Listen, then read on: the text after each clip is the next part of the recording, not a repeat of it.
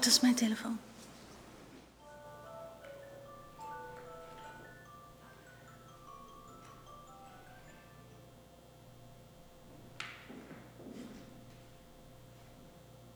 Goedemorgen allemaal. Welkom. Fijn dat jullie online met ons meevieren. In deze viering gaat voor onze eigen predikant Jolande van Baardewijk. De piano wordt bespeeld door Amadee van Langeveld en mijn naam is Marian Rijmende. Ik ben Amstrager van dienst deze morgen. Namens de kerkenraad wil ik u wijzen op de nieuwe kerkmail van afgelopen week. Voor mensen die nu kijken en luisteren en dit niet kennen, Kerkmail is een digitale en papieren uitgave met info over onze vieringen en het reilen en zeilen van onze gemeente en gemeenteleden. Wanneer u lid bent van onze gemeente, ontvangt u deze. Deze keer staat er een artikel in van Jolande naar aanleiding van het boek Lente in de Kerk. Het artikel geeft ons zeker stof tot nadenken. Verder staat er heel belangrijke info in over de stand van zaken rondom de verkenning tot samenwerking met zes gemeenten in de Liemers. Heel belangrijk om te lezen wanneer u op de hoogte wilt blijven over de toekomst van onze gemeente. Ook leest u informatie over het mooie en belangrijke werk van onze ZWO-commissie. ZWO staat voor Zending, Werelddiaconaat en Ontwikkeling.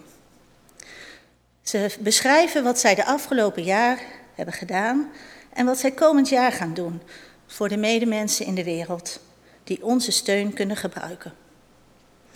Met onze bijdrage kunnen ze dit waarmaken. En de actie Kerkbalans gaat komende week van start. Alle leden krijgen de brieven deze week in de bus. Iedereen kan de toezegging in de antwoordenvelop terugsturen of hier bij de kerk in de bus doen. Wanneer de enveloppen wel bij u opgehaald worden, zal dit aangegeven worden. Geef met uw hart voor de toekomst van u en onze gemeente. Ik wens jullie een gezegende en inspirerende dienst.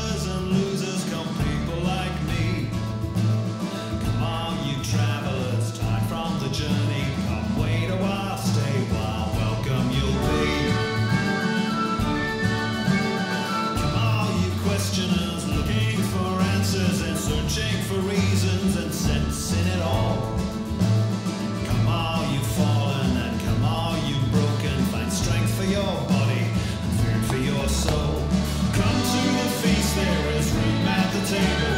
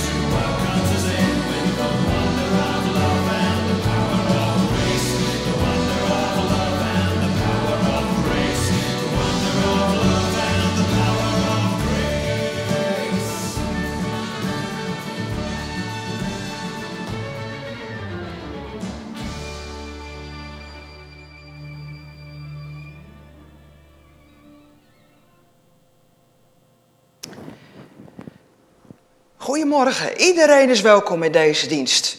De een niet meer of minder dan de ander. Zelfs als je eigenlijk denkt van jezelf, ja, ik ben een religiehater, ik weet helemaal niet of ik geloof, ik twijfel of ik denk dat er helemaal niks is, geen leven na de dood en misschien ook geen God en ik weet het eigenlijk allemaal niet. Toch welkom. God laat als schepper over ieder van ons de zon schijnen en de regen neerkomen. Voor niemand meer of minder dan voor een ander.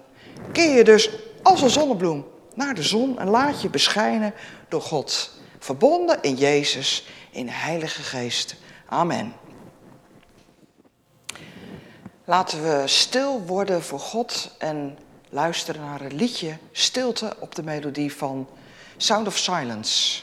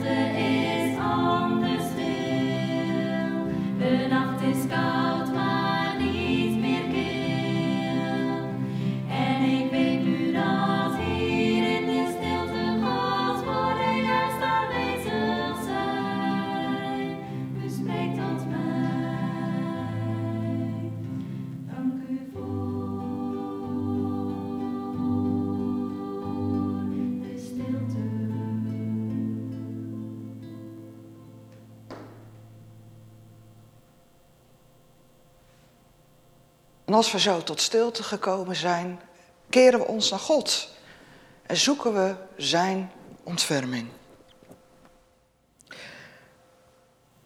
Goede God, ook al kunnen wij U misschien niet zoeken, we roepen U wel aan, omdat U belooft dat als wij naar U komen, U opzoeken, dat U zeker naar ons zult komen. Dat U dan tegen ons praat door alles heen. Dat kunnen woorden zijn die we soms niet letterlijk verstaan, fysiek met onze oren, maar die we wel opvangen door tekenen in de natuur, voor, door mooie dingen die gebeuren, door een knipoog van u, op welke manier dan ook door mensen, dieren of de zon die vandaag schijnt en de vorst op het land. Heer, wilt u ook in deze dienst tot ons spreken? En waar wij u niet kunnen zien of horen of voelen, en wij misschien potdicht zitten, misschien met onze neus naar de aarde lopen, ons niet opgewekt voelen of ja, door de hele periode van lockdown behoorlijk te neergedrukt. Heer, sla uw arm om ons heen en om deze wereld. Schud aan ons. Neem ons bij de hand in deze dienst. Raak ons aan, zoals alleen u dat kunt, door uw geest. In Jezus' naam bidden we u dit. Amen. Ja, iets over het thema van deze dienst. Er staat al op de sheet Lente in de kerk. En Marjan vertelde er al iets over, over de, het artikel in de kerkmail. Er is een boek verschenen, Lente in de kerk, van René van Loon. En die doet eigenlijk tien aanbevelingen, tien tips. Daar zullen we ons de komende tijd eens in verdiepen. Niet alleen in de kerkmail, maar ook in de vieringen.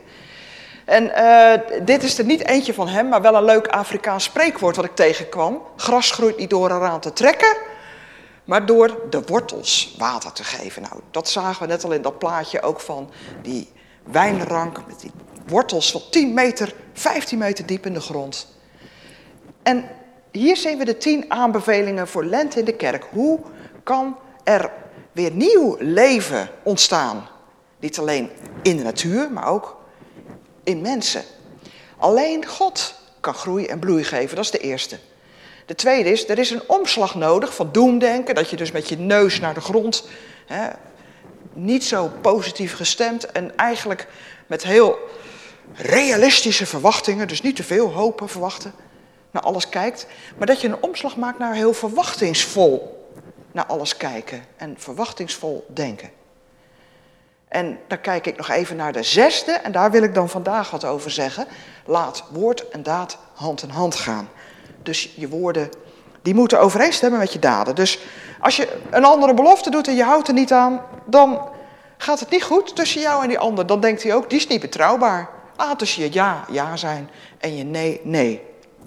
En de teksten die we ook vanochtend lezen, die gaan daarover. Wat is nu waarheid? En als iemand zegt, ik breng iets, een, een, een waar woord, een bericht van God, of uh, ik wil jullie iets aansmeren, iets verkopen, hoe kunnen we dan uitvinden of dat ook echt zo is? Of het echt waar is en betrouwbaar, of iemand niet wat uit zijn nek zwamt, of die dus het zelf verzonnen heeft, of dat het echt op feiten gebaseerd is of van God komt.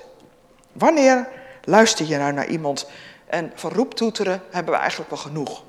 Kort en goed. Lente in de kerk, daar gaat straks de preek deels ook over. Eerst luisteren we naar de clip. In de bloembol is de krokus. Een lied uit het nieuwe liedboek, komt uit het Engelse liederenrepertoire.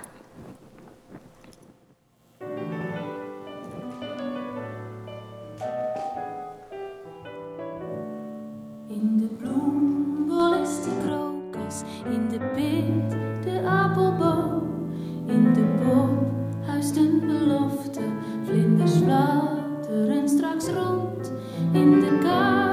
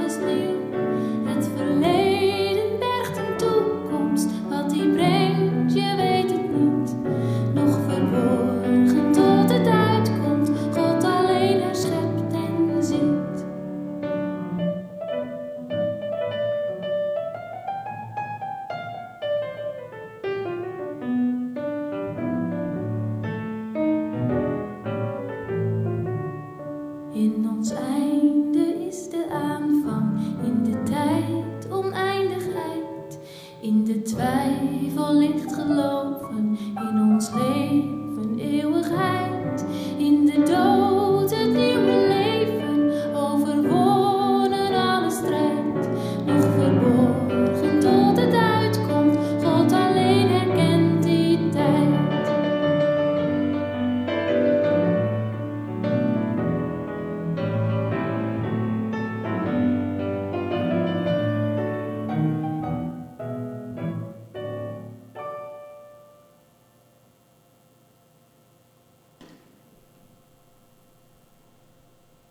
lezing uit het Oude Testament is uit Deuteronomium 18. En vandaag de dag vraag je natuurlijk af, waar haal ik mijn waarheid vandaan en eh, welke influencer volg ik? Welke feiten pak ik om mijn wereldbeeld mee op te bouwen? Maar daar zegt de Bijbel dus ook iets over.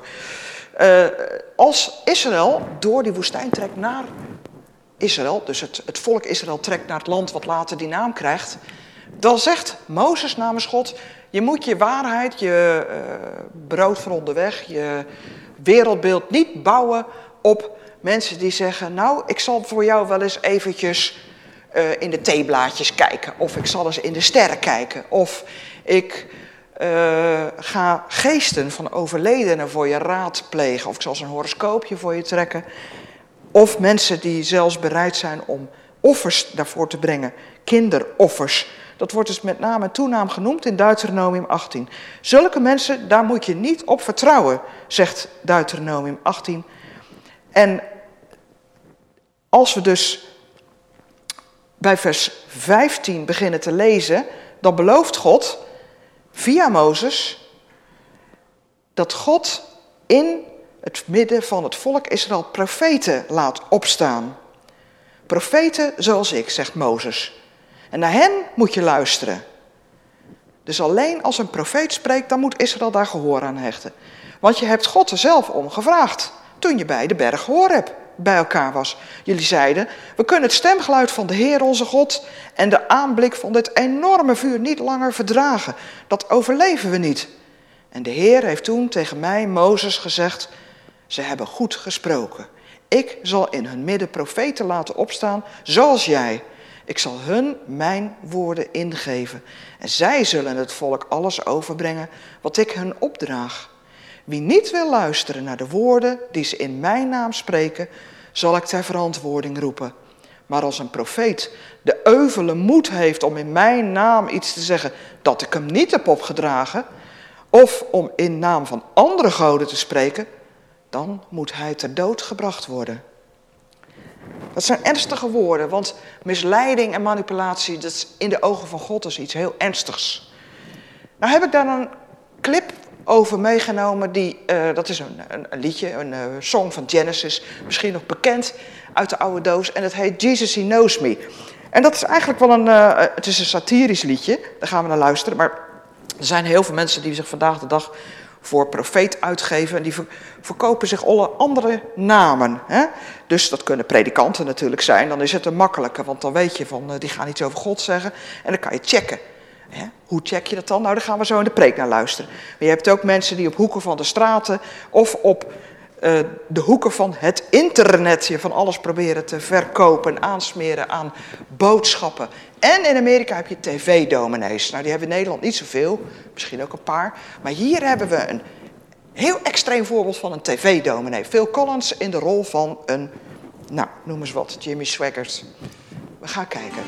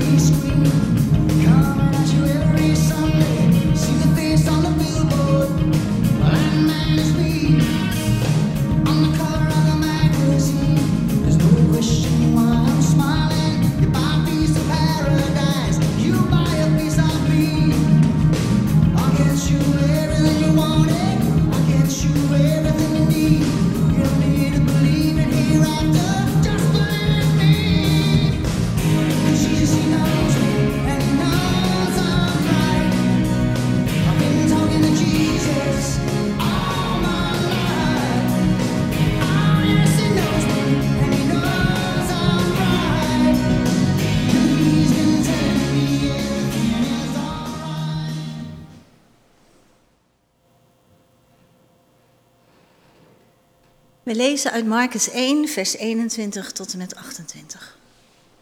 Ze gingen op weg naar Cafarnaum. En op de eerstvolgende sabbat ging Jezus naar de synagoge en onderwees er de mensen. Ze waren diep onder de indruk van zijn onderricht. Want hij sprak hen toe als iemand met gezag, niet zoals de schriftgeleerden. Er was in de synagoge ook een man die bezeten was door, de, door een onreine geest. En hij schreeuwde: Wat hebben wij met jou te maken, Jezus van Nazareth? Ben je gekomen om ons te vernietigen? Ik weet wel wie je bent, de heilige van God. Jezus sprak hem streng toe en zei: Zwijg en ga uit hem weg. De onreine geest deed de man stuiptrekken en verliet hem met een luide schreeuw. Iedereen was zo verbijsterd dat ze tegen elkaar zeiden: Wat is dit allemaal? Een nieuwe leer met groot gezag? Zelfs als hij onreine geesten een bevel geeft, wordt hij gehoorzaamd. Het nieuws over Jezus verspreidde zich al gauw overal in Galilea.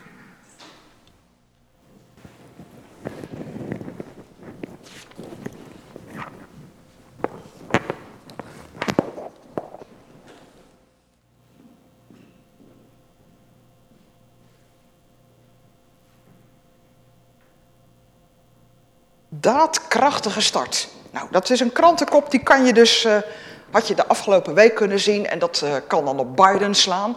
Maar het kan ook op Jezus slaan. Want Marcus 1 die kopte eigenlijk in nieuwe leer met gezag.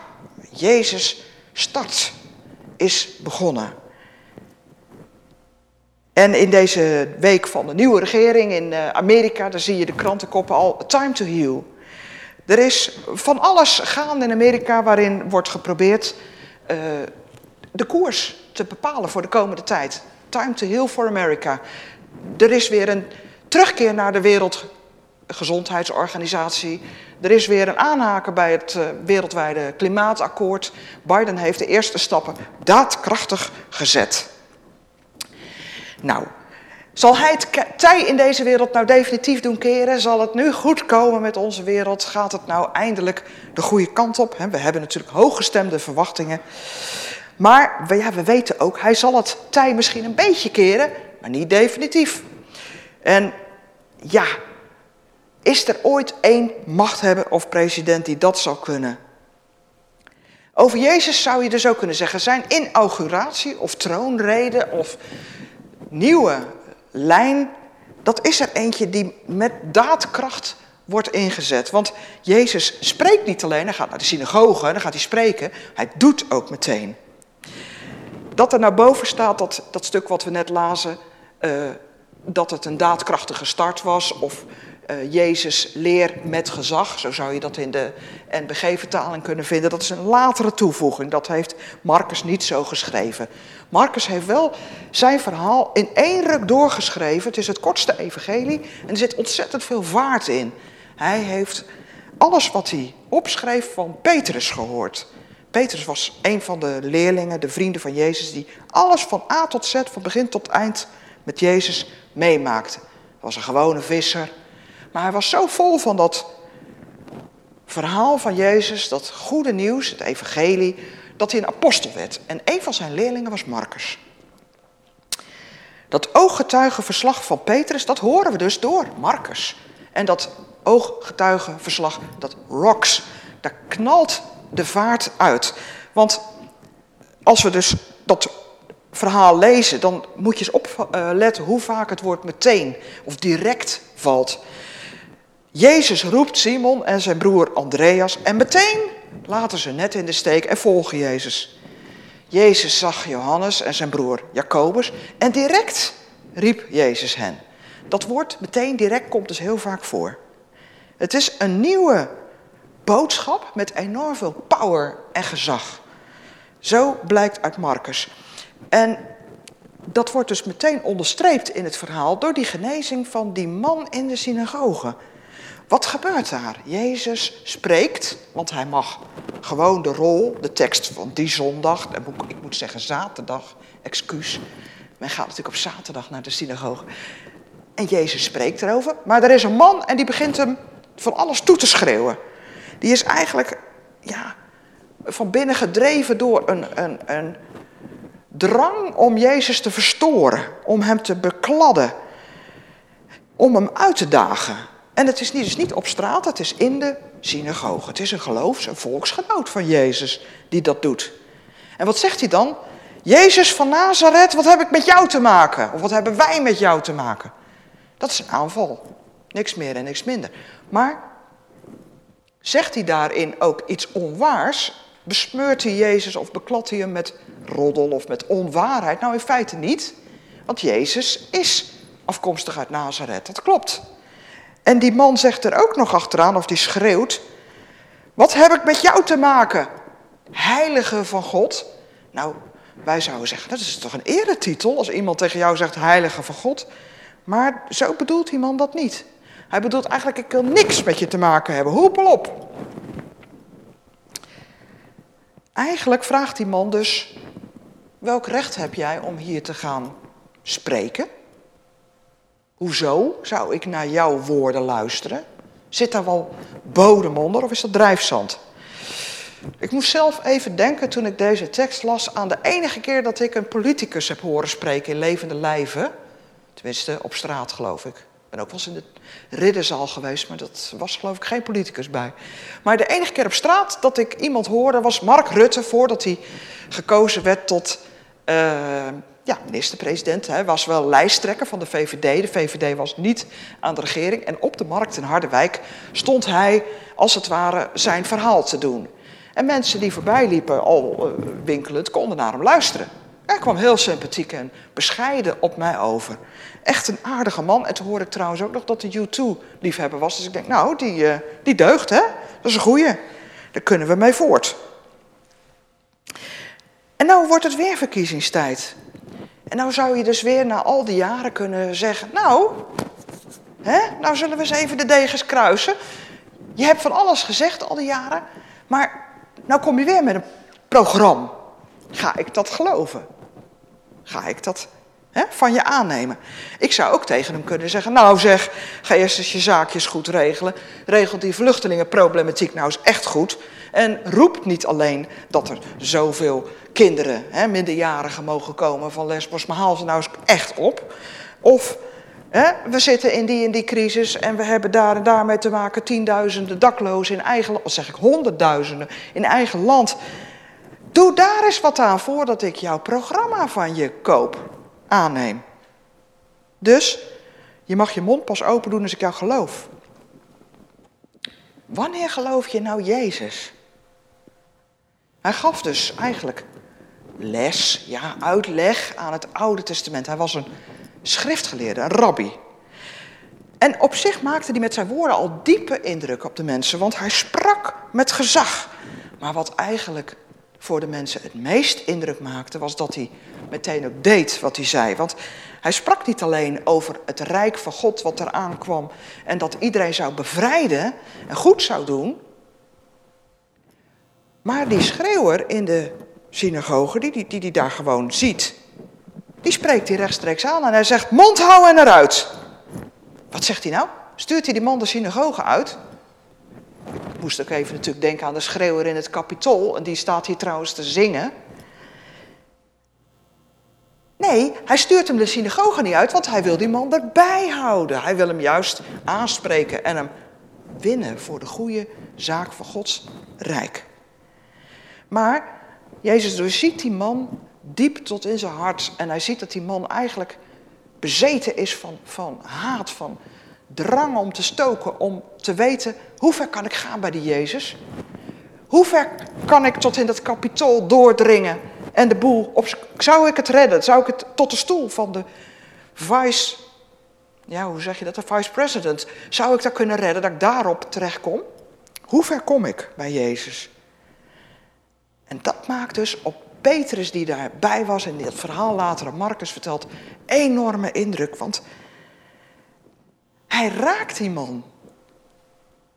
Die schreeuwer spreekt hij aan. Mond houden en eruit, zegt hij tegen hem. En die man, die, die begint te schudden, uit de stuip trekken, zegt de tekst.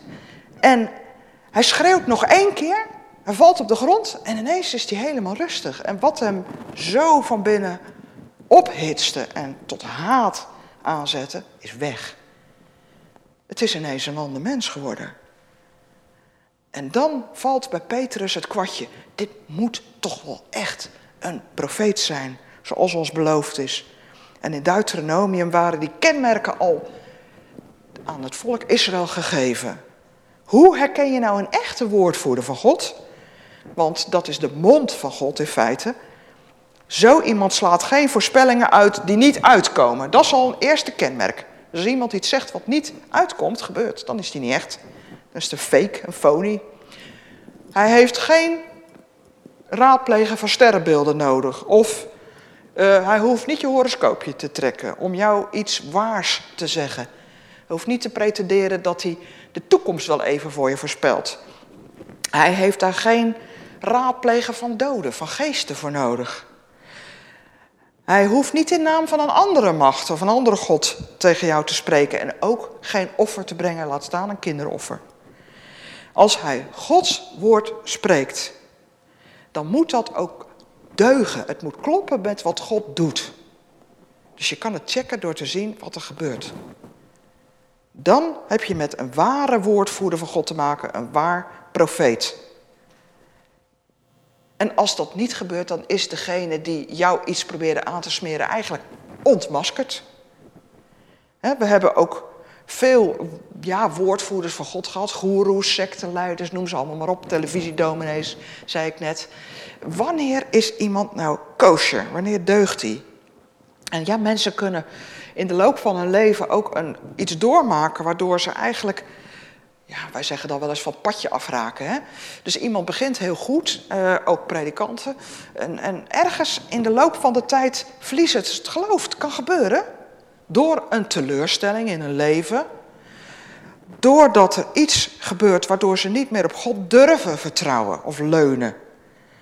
Of, uh, of, of ze verliezen eigenlijk het vertrouwen in God, omdat ze zichzelf te veel gaan vertrouwen. Ze gaan zoveel op zichzelf leunen.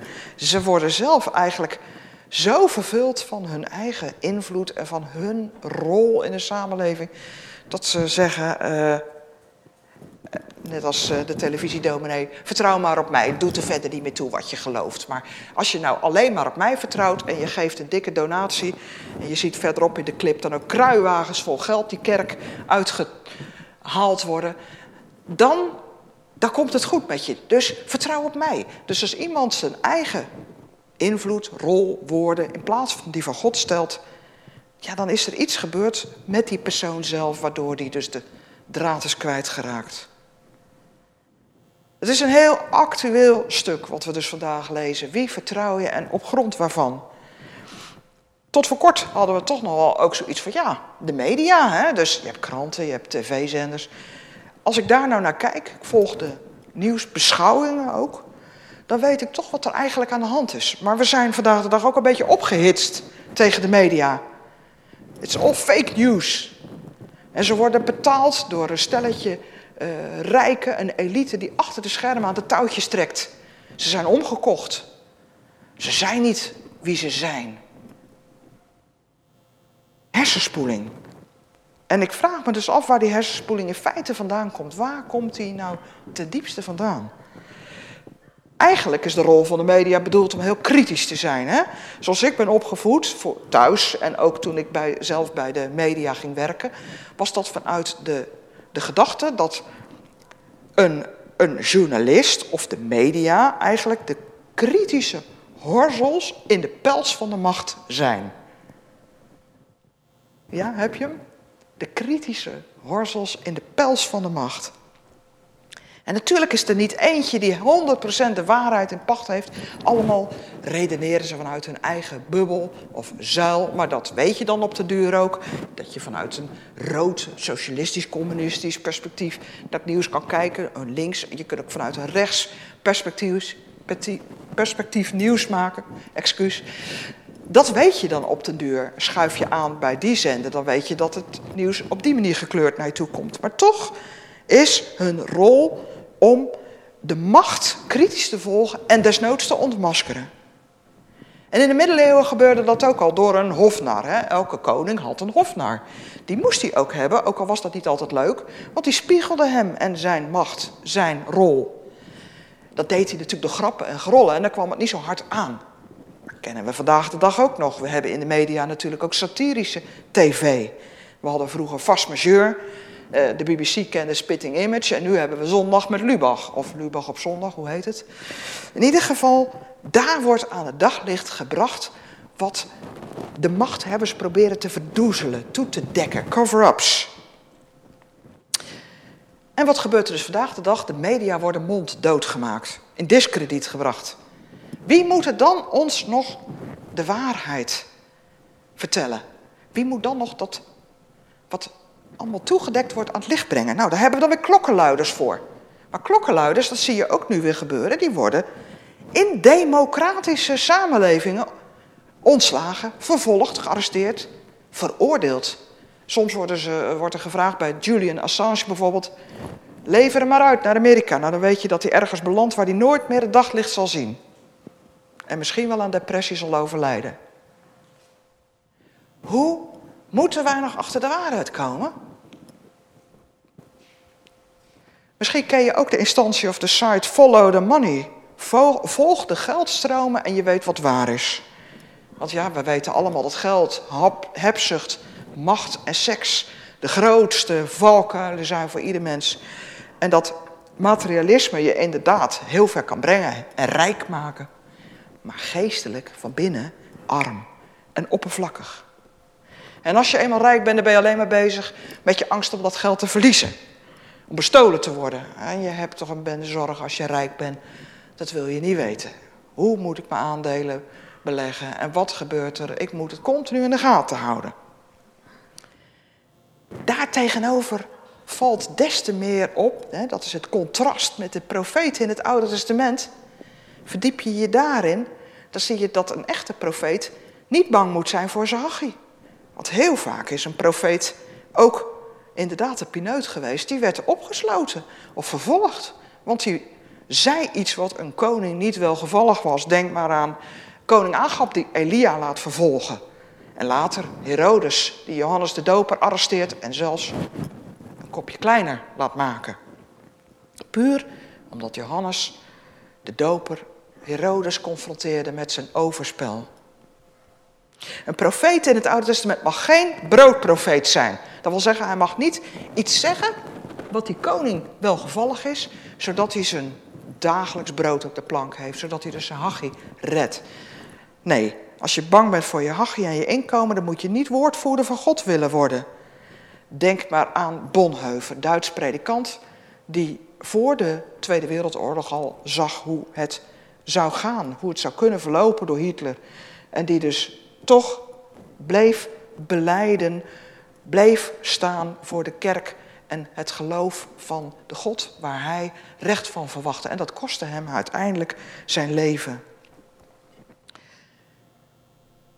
We mogen echt wel bidden en ik doe dat ook voor de komende verkiezingen waarin onze democratie hopelijk gevierd wordt. We mogen stemmen, een groot goed. Dat viel mij ook zo op in de inauguratie vorige week van Biden dat gezegd werd, de democratie vieren we. En Nederland mag dan een eigenwijs landje zijn met veel partijen en veel individuutjes, egootjes. Gelukkig is er toch door die veelheid en controlerende partijen een soort evenwicht. En al is de leugen nog zo snel, uiteindelijk achter- achterhaalt de waarheid haar heus wel. Gelukkig, nog wel. Ik sprak net over broodprofeten en dat is natuurlijk ook met een vinger naar mezelf. Want ja, predikanten die moeten ook eh, hierin natuurlijk goed uitkijken. Het is balanceren op een dun koord en dat moet ik ook. Eh, je moet kritisch durven zijn, net als de profeten vroeger. Maar ja, wanneer ben je nou bezig met politiek? En stemadvies mag je helemaal niet uitbrengen. Ik heb het wel eens meegemaakt hoor, dat een predikant vanaf de kansel gewoon zei... en nou stemmen we van de week. En dan zei hij dus de partij. dat kan dus niet. Maar we moeten wel elkaar aanmoedigen om de macht kritisch te volgen. En daarin zijn we navolgers van Jezus. Jezus was zeker kritisch. Hij heeft zich, let op, nooit negatief kritisch over de keizer van Rome uitgelaten. Betaal je belasting, was zijn advies. En wat de keizer vraagt, dat doe je. Wees gehoorzaam. Maar Jezus is des te kritischer op de mensen die namens God iets zeggen, die dus, de pretentie hebben de waarheid te brengen, uit zijn eigen volk. Want hoe vaak die schriftgeleerden en fariseeën er niet van langs krijgen. Jezus, die kan je niet tot een revolutionair of rebel maken. Hij heeft nooit opgehitst tegen het Romeins gezag. Maar hij is wel een kritische spiegel geweest voor de schriftgeleerden, dus zijn beroepsgroep, zijn eigen beroepsgroep, in zijn tijd. En daarin, in dat, ja, dat objectieve navolgen van hoe toets je nu of iemand de waarheid spreekt, de adviezen uit Deuteronomium 18, daarin zie je dat Jezus de heilige van God is gebleven. Hij bleef Gods woord centraal zetten. Dat voorbeeld mogen wij ook volgen. We leven in Nederland wel in een afrekencultuur. We sabelen elkaar neer op fouten. Maar dan ook moeten we Jezus voorbeeld ons voor ogen houden. Als hij zegt, als iemand op zijn fouten terugkomt en hij geeft ze ruiterlijk toe, dan is zijn woord, ga aan de slag, ga terug op je post en maak er nu wat goeds van. Doe niet weer wat je net misdeed. En dat is eigenlijk genade. En dat vinden wij ontzettend moeilijk, want als er bij ons in Nederland iets misgaat, dan willen we ook dat de koppen sneuvelen. Het is natuurlijk symboliek. Want we hebben er niks aan dat het kabinet naar huis wordt gestuurd. Er moet gewoon geregeerd worden in een crisis. Maar het is symbolisch. We willen dat iemand boet, dat iemand ervoor aangesproken wordt. Dat iemand straf krijgt. Een publiek pak slaag. Maar het woord van Jezus is: geef een ander die het echt toegeeft een nieuwe kans. Stap uit die genadeloze afrekencultuur. In Jezus rijk is zolang je leeft, elke dag er één voor een nieuwe kans, een nieuwe start. Met Jezus als koning is het tij definitief gekeerd. De wereld waarin we leven en waarin we met één been nog steeds staan, die gaat voorbij. Het klimaat is al naar de haaien. Deze wereld kan niet overleven. We zijn helemaal afhankelijk van dat nieuwe rijk, waar we met dat andere been al in staan. Het duurzame rijk, het eeuwige rijk, zoals de Bijbel dat noemt. En daarin is Jezus als koning onze beste optie.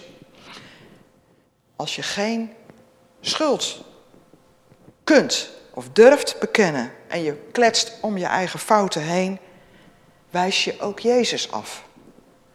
En dan kan je ook niet vergeven worden, niet door God en niet door je medemens. Dan zet je een muur tussen jou en de ander, tussen jou en God. Als je fouten toedekt van jezelf of een ander, uit schaamte, wat we natuurlijk allemaal doen, of verzwijgt, dan kan een ander en God jou niet bereiken. Dan is er geen communicatie, dan ontstaat er geen samen. En daarom sluit ik met de zegen van God, die wij elke dienst aan het eind ook mogen meekrijgen. En waarin we dan mogen horen, na het woord van mogen de Heer je zegenen en beschermen, mogen de Heer het licht van zijn gezicht over je doen stralen, schijnen. Als dat licht jou bereikt, dan is dat genade. Dat God jou met je fouten in het volle licht zet en toch je aanneemt als kind. Nou, Toon Hermans zei dat in hele gewone woorden. Een vriend is iemand die alles van je weet en toch je vriend wil blijven zijn. Laat God je vriend zijn. Laat God toe. Vertel God alles. En dan zal God zijn stralend gezicht naar je toekeren. Over jou schijnen. En jou vrijspreken van alles. Genade voor recht laten gelden. En jou omarmen en thuisbrengen. Amen.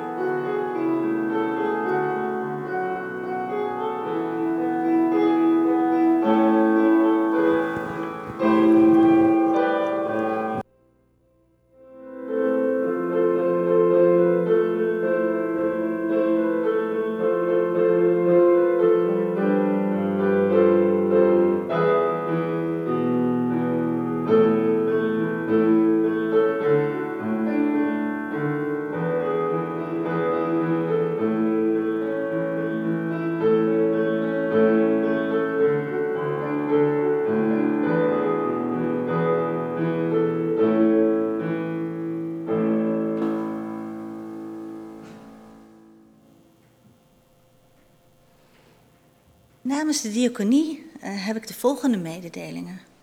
Ehm, de bloemen, en ik heb ook een kaart geschreven, gaan vandaag ter felicitatie naar Lianne en Geo van Laar, Menno ter Braakstraat.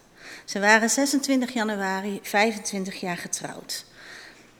Tevens gaan ze ook ter bemoediging naar hen toe, omdat Lianne al een tijdje met gezondheidsproblemen kampt. Dus namens onze gemeente zal ik ze straks eh, brengen. En daarnaast voel ik me wel een beetje ongemakkelijk na het verhaal over de kruiwagens met geld, natuurlijk. Die uh, gaan uh, naar een kerk uh, om deze collecte te gaan afkondigen. Maar ja, ik doe het toch, want geld is nodig. En de, de diaconie zorgt in tegenstelling tot de ZWO, waar ik het eerder over had, voor mensen in onze directe omgeving en in de buurt om daar goed werk te verrichten en die mensen ook te helpen. Uh, en uh, aan het eind van de dienst kunt u uh, het rekeningnummer zien waar u, oh het staat nu ook in beeld, waar u aan kunt doneren. en u kunt dat ook via de Give It app doen. En de eerste collecte gaat naar het Leger des Hels. En daar zo, ziet u straks een filmpje over, om u een beeld te geven nou, waar dat geld, waar u voor geeft. En de tweede collecte is voor algemeen kerkenwerk. En dat klinkt natuurlijk wel heel algemeen, maar met dit uh, geld kunnen we samen blijven vieren, zoals we nu doen. En onze gemeente organiseren en vormgeven, ook uh, in de toekomst. Dus uh, geef met uw hart. Dit is Tijmen. Zijn architectenbureau opent acht jaar geleden een tweede vestiging. Maar hij kan de druk niet aan. Na een burn-out verliest hij zijn bedrijf en zijn vrouw en dan zijn huis. Tijmen gelooft niet dat hij nog iets te bieden heeft. Maar wij geloven in Tijmen. Bijvoorbeeld door te zorgen voor huisvesting en begeleiding. Leger des Hels. Doen wat we geloven. Help mee op legerdeshels.nl. We gaan met elkaar danken en bidden. Er is voorbeden gevraagd voor Dianne van Laar met haar gezondheidsproblemen. En ook voor Ada van Oost, een uh, oude gemeentelid van ons die verhuisd is naar Dieren. Dat valt niet mee om dan te verkassen en we zullen voor haar bidden. En ook is voorbeden gevraagd voor de jonge gezinnen die allemaal in deze lockdown eigenlijk dubbel overbelast zijn. Want ja, ze hebben vaak allebei banen, de ouders. En dat moet dan thuis gebeuren. Maar de kinderen moeten ook bezig gehouden worden. En als de kinderen naar school gaan, dan moet er ook nog opgelet worden dat het thuisonderwijs goed gebeurt. Dat is echt zo op de lange duur een enorm eh, kruis en overbelasting voor de mensen. We zullen voor hen bidden. Goede Vader, wij komen tot u aan het eind van deze viering. We leggen alles voor u neer. Onszelf en onze zoektocht naar waarheid en wat echt waar is. En ook dat de wereld zo complex is geworden dat het ons zwaar valt om erachter te komen. Dat we ook wantrouwig worden. Wat speelt er zich allemaal af achter de schermen? En hoe weten we nou of we iemand kunnen vertrouwen? Hoe weten we nou of iemand de waarheid spreekt?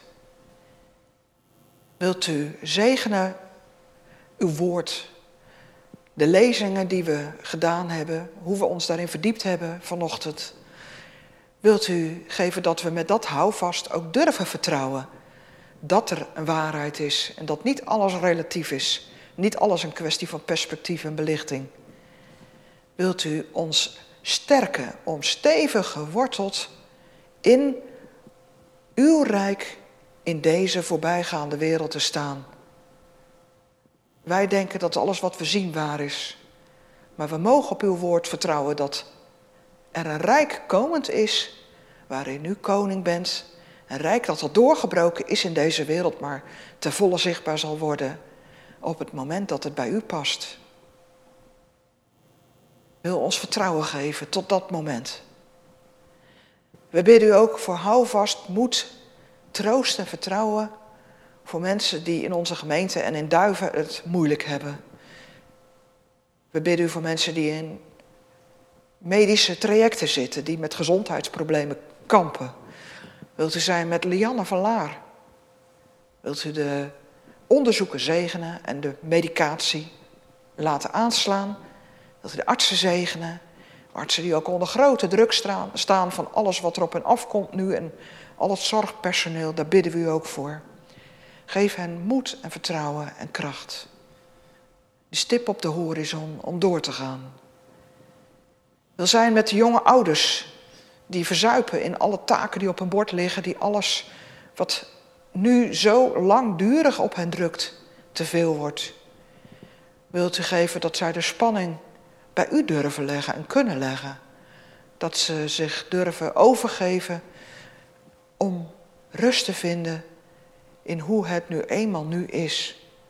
En moed te houden en ook hun kinderen aan de hand te durven en kunnen nemen om moed, hen moed in te spreken.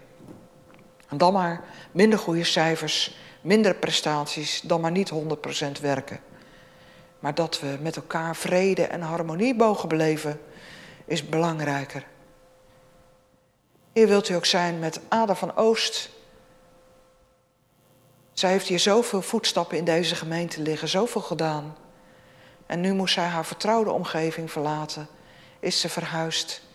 Wilt u haar in haar nieuwe woonplaats ook mensen geven met wie ze verbonden is? Wil haar weer thuisgevoel helpen opbouwen? Wil haar moed geven? Haar omringen met uw liefde en zorg, zodat zij deze nieuwe fase goed zal in kunnen gaan. Heer, zo leggen wij alles voor u neer. Samen bidden we het gebed dat uw zoon ons leerde. Onze Vader in de hemel, uw naam worden geheiligd, uw koninkrijk komen, uw wil gebeuren. Geef ons vandaag het eten dat we vandaag nodig hebben. Vergeef ons onze schulden en ook dat wij de moed, de energie, dapperheid vinden om anderen te vergeven die ons iets aandeden. Verlos ons van het kwaad en van de boze.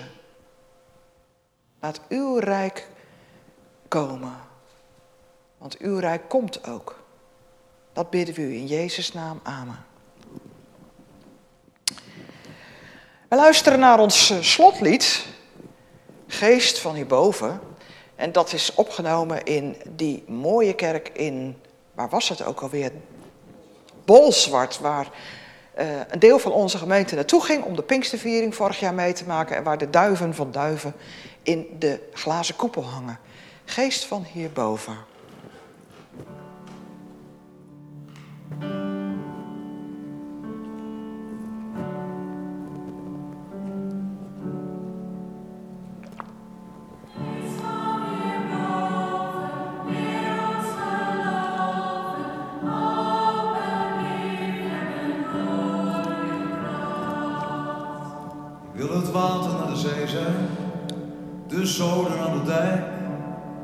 Het gevecht tegen de bierkaai, alles wat onhaalbaar lijkt.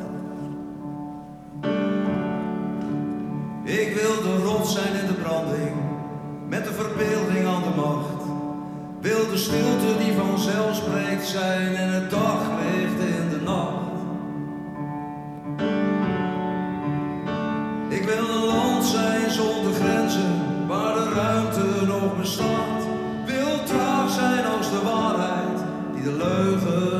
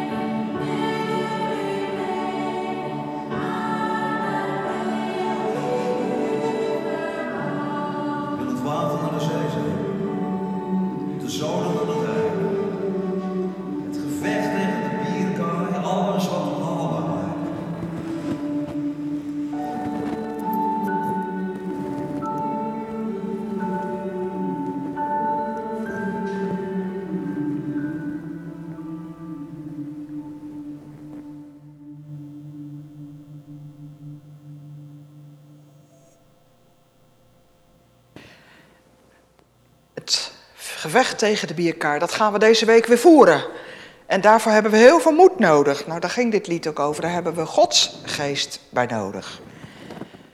Daarvoor zegenen en beschermen je de eeuwige. De eeuwige gaat met je mee en zorgen voor je. En de eeuwige doet zijn gezicht over je stralen, schijnen als de zon en geven je vrede. Amen.